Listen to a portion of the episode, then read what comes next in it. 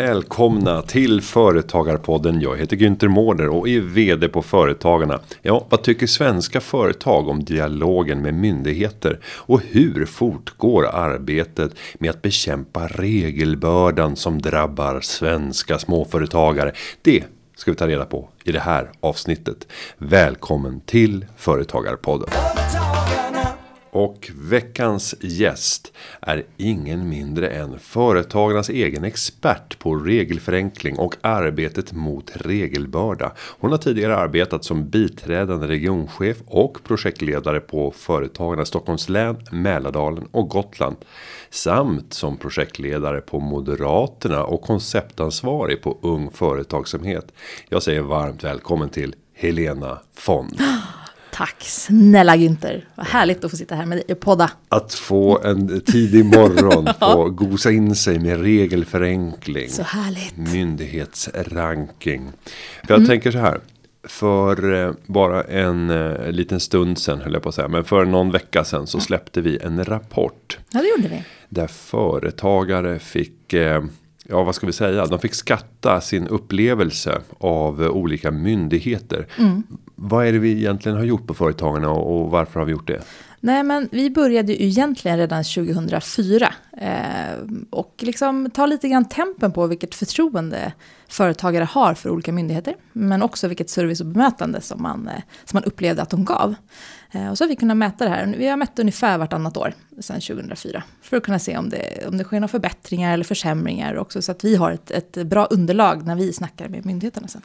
Och om vi tar ett helikopterperspektiv och tittar på studien. Mm. Kan man se några stora drag utan att vi går in på enskilda myndigheter nu. Mm. Men eh, ökar tilltron och ökar känslan av eh, upplevd service Nej. hos företagen? Alltså så här, om man ska vara lite, alltså det är lite deppigt nästan att säga att det har inte hänt så himla mycket sedan 2004. Eh, det har liksom gjorts mycket goda insatser, eller försök till goda insatser på olika håll.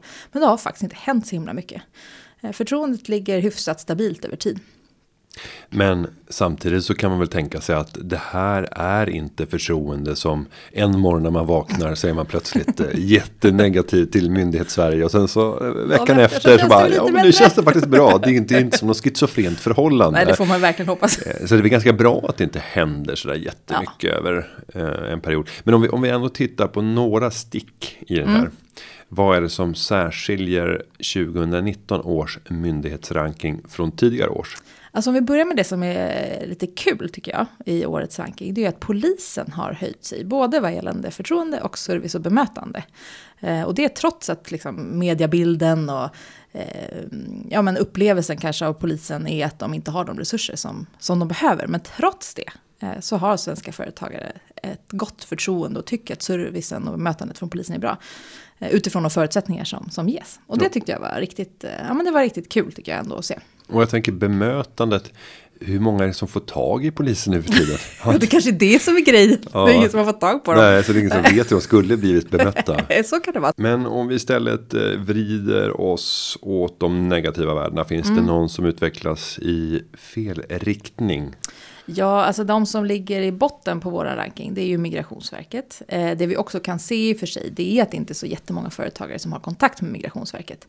Ja, eh. när har man som företagare det?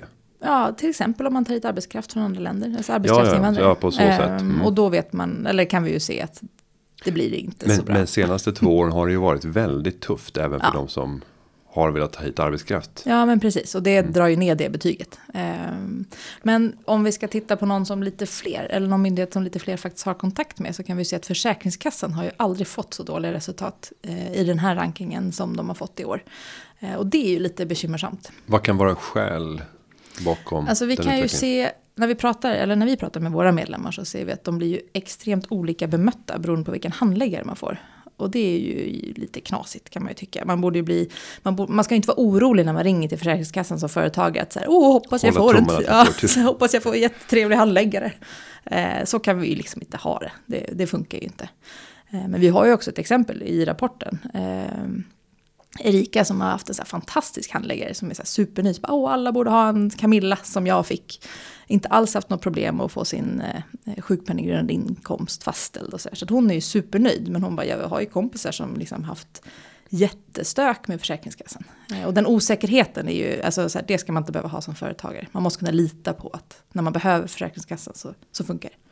Och nu har vi bara tittat på statliga myndigheter. Mm. Men det här återkommer ju även om vi skulle gå ner på kommunal nivå. Och titta på interaktion med kommunala tjänstemän. Ja, gud, ja. Eh, inte minst om vi tar så här bygglovsärenden. Mm. Där hör jag väldigt ofta att. Mm. Nej men har man tur då kommer man till Lisa. Hon är mm. alltid pragmatisk och försöker hitta lösningar. Men Anders, nej han, han dundrar på och försöker hellre fälla än, än fria. Eh, och det, det är blir människor vet du. Det blir, men det blir väldigt rättsosäkert ja. i ett sånt system. Och ännu högre krav. Kraven ska vara höga alltid på mm. offentlighet. Men kraven minskar inte för att det är en myndighet, en statlig myndighet. Verkligen inte. Um, Nej men så det är lite, det tycker jag känns. Eh, sen finns det ju massa andra utmaningar hos Försäkringskassan. Vi driver ju till exempel nu Rutans resa som jag hoppas alla som lyssnar har uppmärksammat. Då får vi beskriva Rutan. Vad är det för ruta? Vi vill ha en till ruta på läkarintygen som läkare skriver ut när någon blir sjukskriven. Eh, och den här rutan ska då läkaren kryssa i om, man, eh, om läkaren anser att eh, personen kommer vara sjukskriven mer än 60 dagar. För ska man det så måste man som arbetsgivare upprätta en eh, rehabiliteringsplan. Eh, och istället då för att man som företagare ska behöva liksom så undra om min eh, anställda här kommer vara sjukskriven längre än 60 dagar och jag behöver göra det här stora jobbet.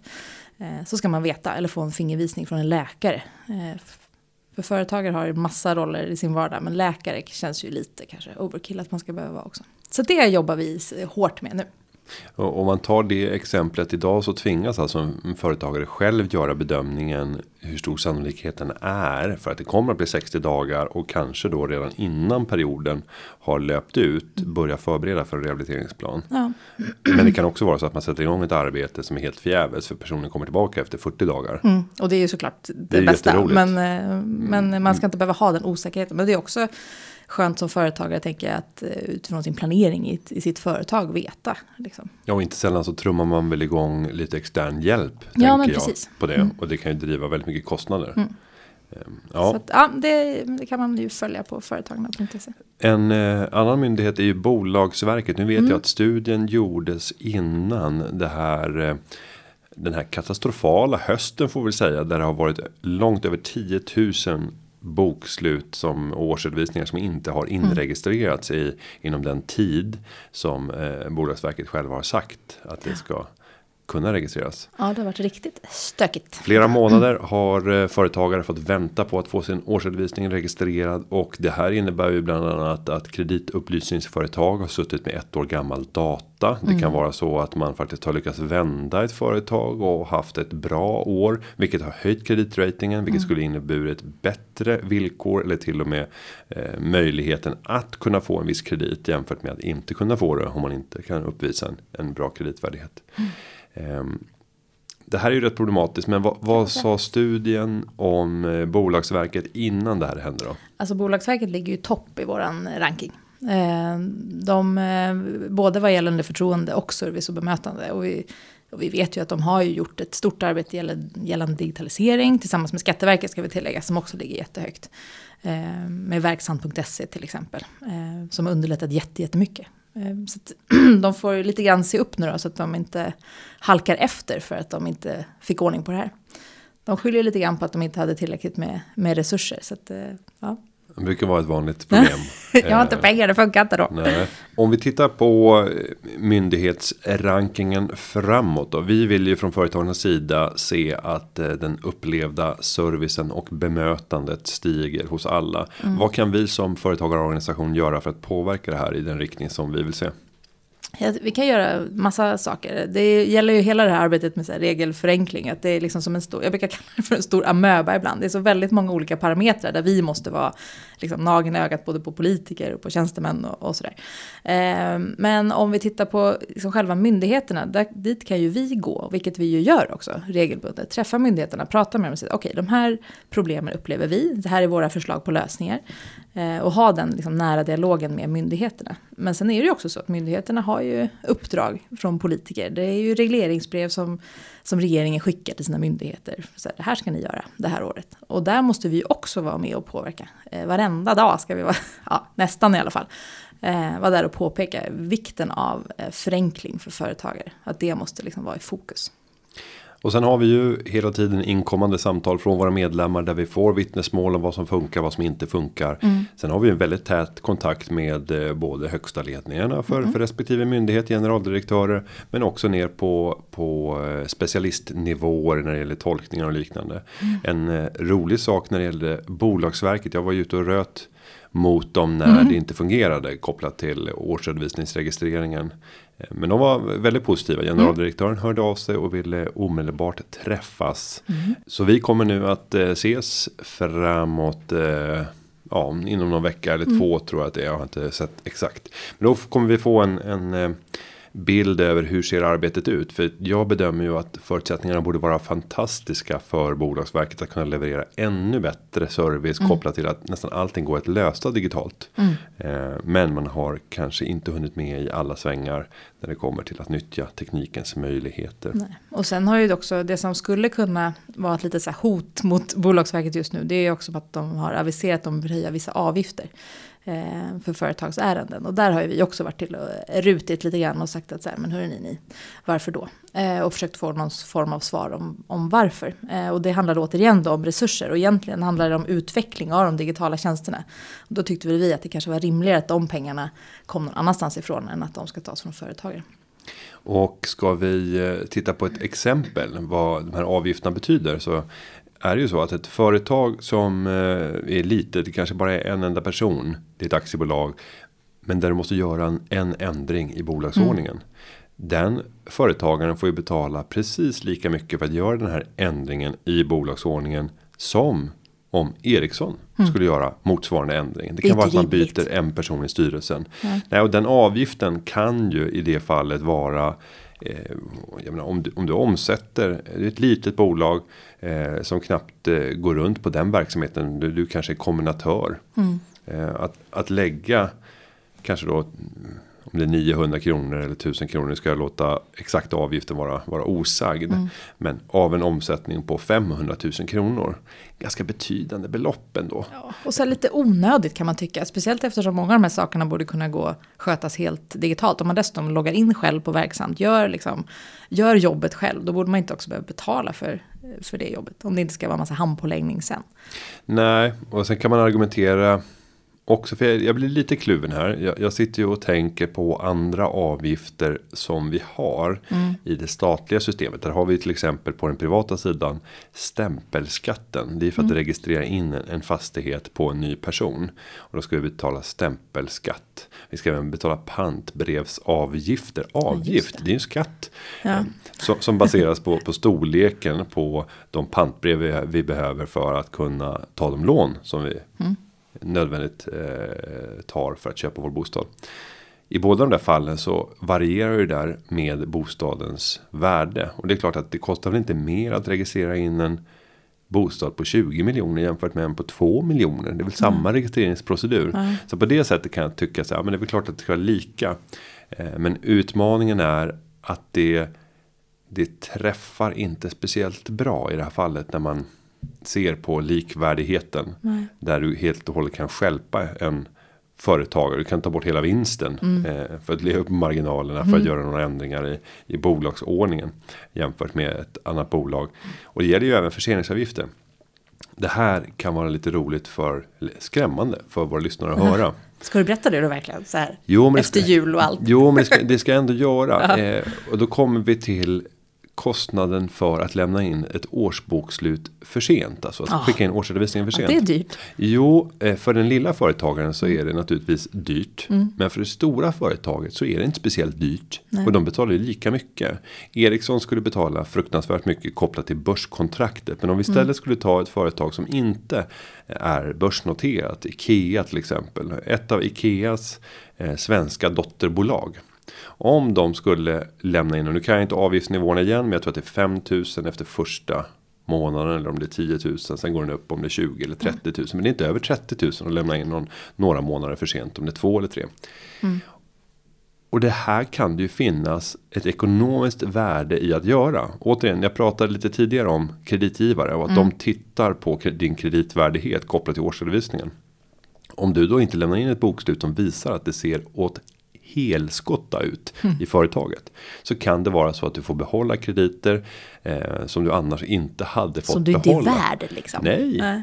Eh, och på, då, på det sättet så har du en liten tid på dig Mm. att försöka rätta till verksamheten. Visst, du kommer släppa ett bokslut som ser riktigt dåligt Taskigt. ut. Men man har ändå en plan och man har Ja, liksom du kan visat- redovisa. Ja. Ja, vi lyckades vända det. Titta nu, kassan har vänt.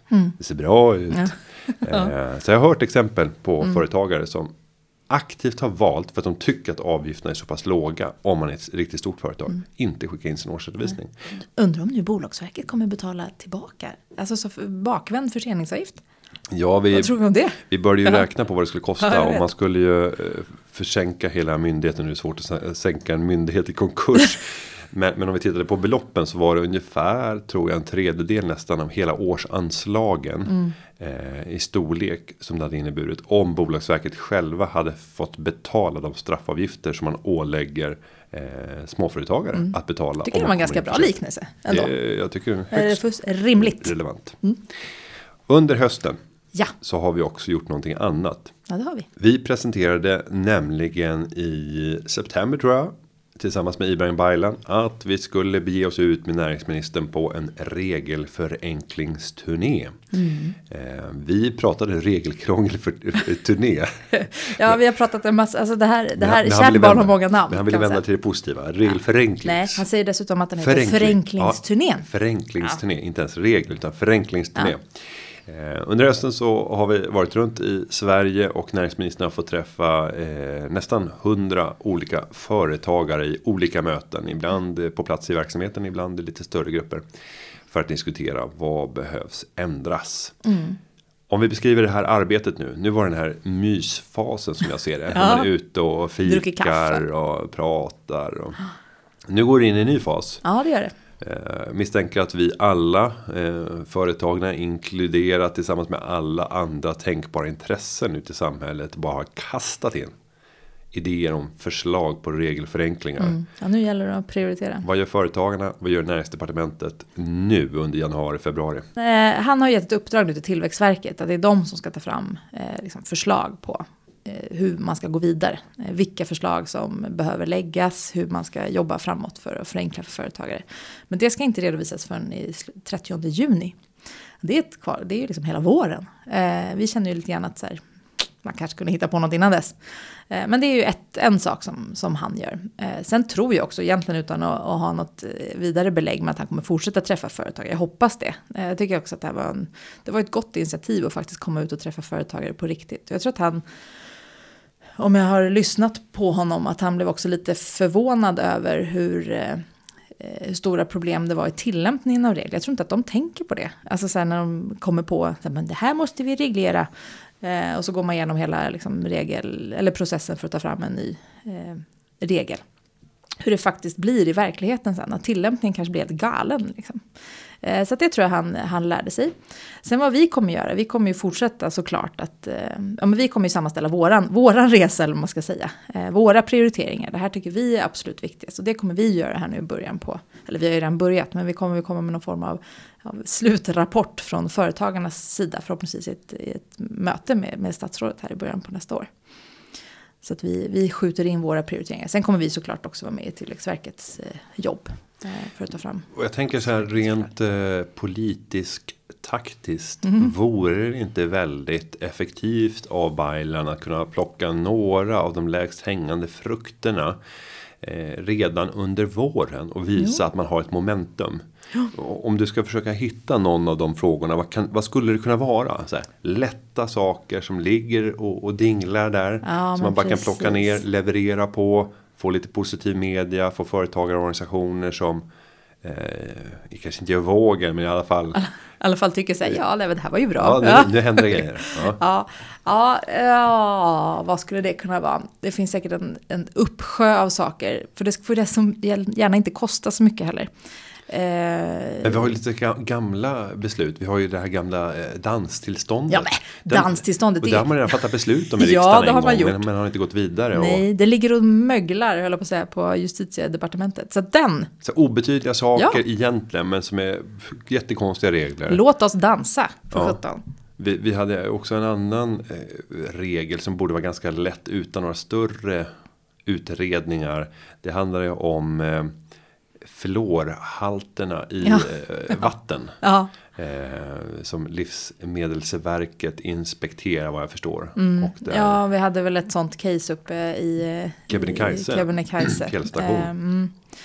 Eh, och, ja, Där var det lite för, där var det lite för höga fluorhalter Mm. i fjällbäcksvattnet. Så att man föreslog att man skulle installera ett reningsverk. Mm. Utmaningen då är ju vilka konsekvenser får ett reningsverk på en fjällstation. Ja, det är Eh, lite andra och- Och miljökonsekvenser. med vilken kanske. energi den ska drivas. Mm, Ja, Ja, ja, men det finns lite sådana där eh, små gottesaker som man borde kunna ta tidigt. Men saker som redan är, alltså som till exempel danstillståndet, det är ju så självklart. Det, ju det, finns ju en politisk majoritet, det är ju liksom inga konstigheter. Och saker som har legat, eh, det finns ju säkert massa annat sånt här som har legat lite eh, liksom länge, folk är överens om, se till att ta, jag på säga billiga politiska poänger, men det är väl, hade ju varit eh, snyggt för oss också. Men sen har vi tuffare frågor kopplade Mm. till personalliggare som har varit uppe i flera av de här företagsbesöken som vi har gjort. Mm. Eh, personalliggarna kom ju till för att försöka stävja svartarbetet eh, inom de yrken där det vanligt förekommer. Utmaningen som vi ser det, det är att de oseriösa aktörerna de har i många fall inte ens anmält att det finns en arbetsplats. Nej. Om du till exempel tar ett, ett bygge. Eh, är du en renodlad eh, svart aktör som gör svartjobb. Inte tusan anmäler du. Att Här gör jag, jag lite svartjobb. Här håller jag på att göra svartjobb. Eh, Jag har ingen personalliggare. men kommit hit och granska. Nej. Så det, det bygger på ett system där då någon annan ska tipsa om att jag tror att det förekommer en Ja. byggnadsverksamhet med professionell hjälp i det här. Det, funkar. Nej, men det känns ju generellt så, så här, om man tittar på, på regler i det här landet, vi är ju väldigt duktiga på att reglera saker generellt. Eh, det koms på massa nya saker som, men det här, det här verkar inte riktigt funka, då hittar vi på någon regel där som ska stävja det här, det funkar verkligen inte. Men sen är det ju så att de här reglerna som tillkommer, ofta i alla fall, eh, slår ju mot de som, som gör rätt från början. De som fuskar fortsätter att fuska. Eh, vi borde fokusera mer på fusket och inte börja reglera ännu mer. Liksom. Eh, och det måste vi också hitta ett sätt för. Hur sjutton plockar vi bort regler i det här landet på ett smidigt och effektivt sätt? Regler som kanske aldrig riktigt har funkat som, de var, som det var tänkt. Eller som liksom, så att det, ja, det finns liksom, det är på båda ändarna. Hur blir regler till? Hur tar vi bort regler? Hur eh, anpassar vi dem till, till verkligheten däremellan? Liksom? Ett område där det verkligen har sköljt en regeltsunami över marknaden. Det är ju banksektorn och finanssektorn. Nu är det en sektor där vi spenderar rätt lite tid på grund av att det är oerhört komplext. Och vi har bland annat Svenska Bankföreningen som har som uppdrag att bevaka hela det området. Men ett an- annat område där man ser att det har varit en enorm tillväxt av regler så är det på arbetsmiljöområdet. Eh, Vi sa aldrig någonting om Arbetsmiljöverket Nej, i den det tidigare kanske? myndighetsrankingen. Ja. Hur såg det ut för dem? Eh, de ligger också i en av botten, eh, de ligger i bottenskiktet. En av de fyra eh, myndigheterna som ligger i, i bott. Och, och, och, och vad beror det på? För då vet vi att de ligger i botten. Mm. Det har varit en kraftig tillväxt av regler inom arbetsmiljöområdet. det handlar, det handlar ju om massa saker som det gör i alla de här. Men om man ser i det stora hela så handlar det väldigt mycket om bemötandet eh, hos Arbetsmiljöverket. De har, vilket ju man kan ju förstå på ett sätt, deras syfte är ju att efterleva de här reglerna. Eller se till att reglerna efterlevs, inte att så här, serva företagare. Men jag tror att de måste också så här, våga switcha sin, sin attityd mot företagare. Att hjälper man företagare att, att göra rätt eh, Eh, med en, liksom, ett, ett le, leende på läpparna så kommer det bli så himla mycket enklare för alla parter. Och nu gör ju Arbetsmiljöverket också ett jättearbete med alla sina föreskrifter, eh, som är, jag vet inte hur många, men jättemånga. Eh, för att göra det enklare, de ska bli färre, de ska liksom, eh, men då har de raljerar jag lite, lite grann glömt bort den så här, digitala satsningen kopplat till det. Så risken är ju att hela det här arbetet liksom fallerar, att den, det kommer ut en massa nya föreskrifter våra liksom, medlemmar har precis lärt sig att hitta de gamla, men så kommer det en massa nytt och de hittar liksom ingenting. Och dessutom har man ingen digital eh, portal där man ens kan liksom, man skulle vilja ha en portal där man kan gå in säga, okej, okay, jag eh, är byggare, jag har så här många anställda, jag gör de här sakerna, så bara blupp, så kommer det ut, så här, de här tio reglerna behöver du förhålla dig till. Det finns liksom inte.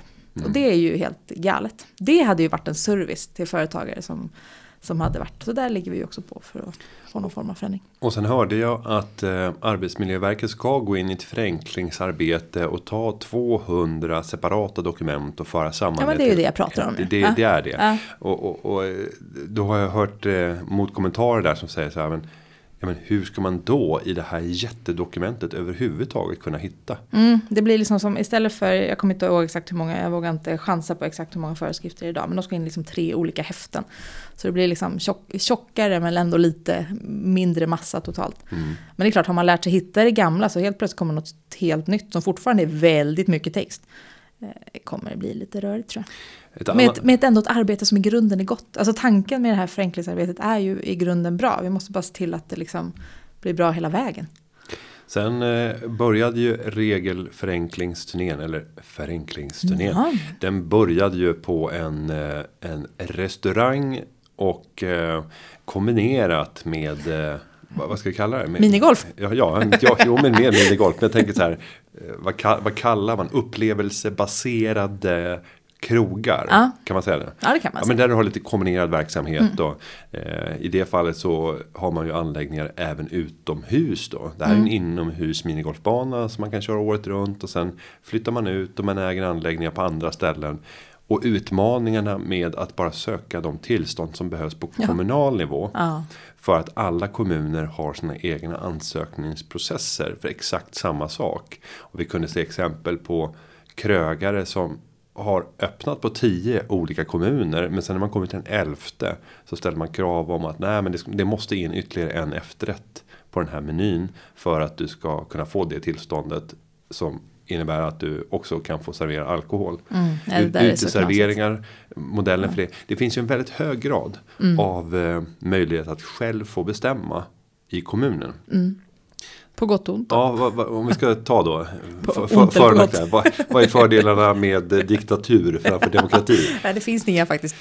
Nej, men det är klart att det är ju en fin demokratisk tanke. Mm. Att den bäst, de bästa besluten fattas nära medborgaren. Mm. Och då ja, med olika förutsättningar i olika kommuner och så. Det, det, är klart att det finns en fördel. Men det, det blir ju ganska sårbart också.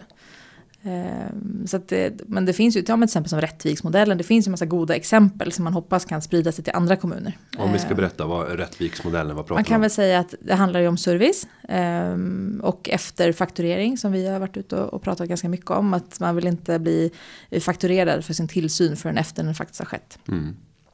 Och snabba, snabba, effektiva tillståndsprocesser. Liksom. Det är, alltså det, grunden är ju rätt självklart kan man ju tycka.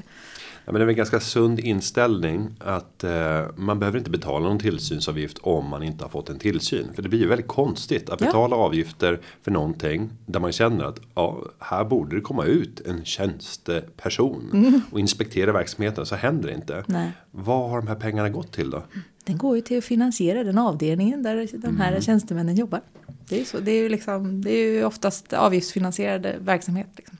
Så då för att de ska få in pengar året runt så fakturerar de också året runt. Och sen hade vi ett annat stort område där det har förändrats mycket under fjolåret så är det ju inom området eh, försäljning och brukning av röka. Ja, ja. jag bara tänkte vad är du på väg nu någonstans? Ja, ska, man, ska man kränga röka? Ja, då blir, kan det bli eh, dyrt ser du. Ja, mm. då måste man söka nu särskilt tillstånd. Mm, det måste man och det kostar pengar. Och kostnaden 7, 8, 9 tusen den, är ju, den får också variera. Den får också variera. Man, man får välja lite fritt i ja. kommunen vad det ska kosta. Hur mycket ska vi sälja i den här kommunen inte? Ja. Och, och, där kan man ju då ta återigen en krogrörelse. Du kan ta ett hotell mm. som av servicehänseende har en vending machine, vad kallar man den? En automat. Försäljningsautomat. En försäljningsautomat. Heter det på svenska? Korrekt. Ja. En försäljningsautomat. Medelst cigaretter, medelst eh, Vasa knäckebröd. Det finns även andra knäckebröd, till exempel eh, Leksandsknäcke som är jättebra. Men så sällan finns i de här automaterna. Ja. Eh, och lite godispåsar och kanske snabb energi och så vidare. Mm. Jag tror alla förstår ungefär vad det är. Folk vet vad jag pratar om. Ja. Ja. Brukar man verkligen ha både knäckebröd och cigaretter i samma apparat för övrigt? Ni lyssnare går in på hashtag företagarpodden, ta ett foto. Har någon någonsin identifierat en eh, knäckebröd, en cola, flaska och ett cigarettpaket i, I samma maskin. Då vill vi se den. Mm, ja, och jag tänker att det här var nog vanligare under vår uppväxt. Jag tror det också. Eh, Finns de ens? Nej, inte, inte cigaretter. De finns ju alltid i anslutning till en reception. Ja, eller precis. i anslutning till bardisken. Ja men det finns ju de här är stora på, på mataffärer. Finns Ja, det ju. där har du. Men, där är det ju som en blackbox va? Ja, Där man skriver in en kod och så Ja, hoppas man att man får rätt och nästan alltid så får man rätt. Jaha, jag har aldrig provat. Men vad bra. Mm. Eh, nej men då, då kan man titta på en, en restaurangrörelse. Mm. Eh, som kanske har eh, ställen på, på flera orter. Eller om vi tar ett hotell som har på, på flera orter. Då måste man alltså söka tillstånd för att få sälja cigaretter. Som en ytterst, ytterst liten verksamhet på marginalen. Men för att erbjuda en servicenivå. Framförallt mot internationella gäster som i mycket hög utsträckning än svenska röker. Och de tycker nog att det är väldigt konstigt att man på ett hotell inte kan få tag i ett, paket, i ett paket cigaretter. Eh, Men nej, då ska man söka tillstånd för varje enskild anläggning per kommun då. eh, För att ha rätten att Men dessutom försäljningen. tror jag. Och personligen, tills- ja. tillstånd. Så att det är inte så himla enkelt. Det är också så här, man tar över till exempel en tobaksbutik. Eh, som i dag, dagsläget har en stor del av sin omsättning som säljer cigaretter eller så. Eh, så måste man ju då invänta sitt eget tillstånd innan man kan börja bedriva den typen av verksamhet. Och sen, det här är ju, liksom, det är ju lite dubbelt ändå. Det är klart att här, ja, nej jag vet inte, vi ska inte lägga någon värdering om folk ska röka eller inte. Men det är kanske svårt för oss som organisation att driva att vi ska sälja ännu mer cigaretter. Nej, men det roliga i det här sammanhanget för att täcka kostnaden på, låt oss säga i en kommun där det kostar 8000 kronor. Om du har en aktör som på marginalen även har lite service och säljer cigaretter. Hur mycket mer cigaretter måste personen Ja, sälja? det kanske blir det här? motsatt effekt. Ja, och bara så här, ja, men det räcker för mig om jag kränger 500 paket extra per år. Då kommer jag täcka den här kostnaden.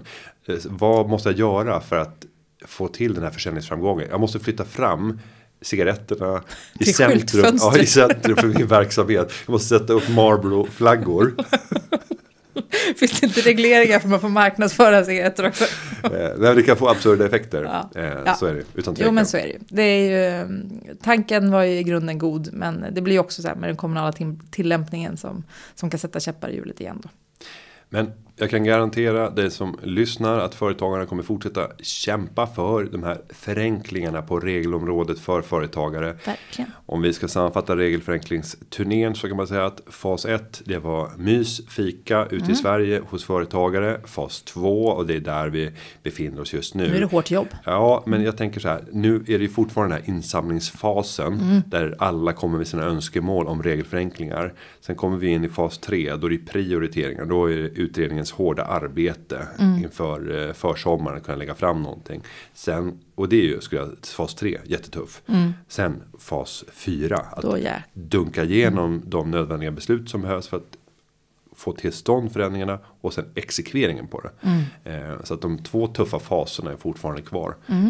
Vi är Det glada gäller att vi eh, kavlar upp ärmarna lite extra. Ja, vi är glada att näringsministern har tagit det här initiativet. Vi tänker Verkligen. göra allt som går för att eh, han kommer att kunna gå ut från den här ma- mandatperioden och ha en flagga i topp och säga att jag förenklade reglerna. Mm. Jag gjorde faktiskt något på riktigt. För är ju, han är ju inte den första som har liksom försökt. Nej. Eh, jag menar Damberg försökte, Annie försökte, Maud försökte.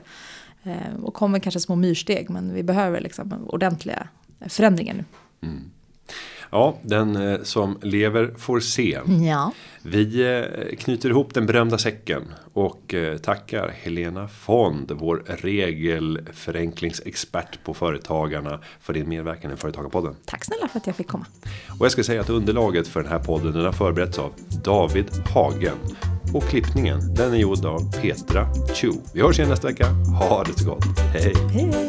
Företagarna Ja, ja, ja, ja, ja, ja. Företagarna. Ja, ja, ja, ja, ja, ja.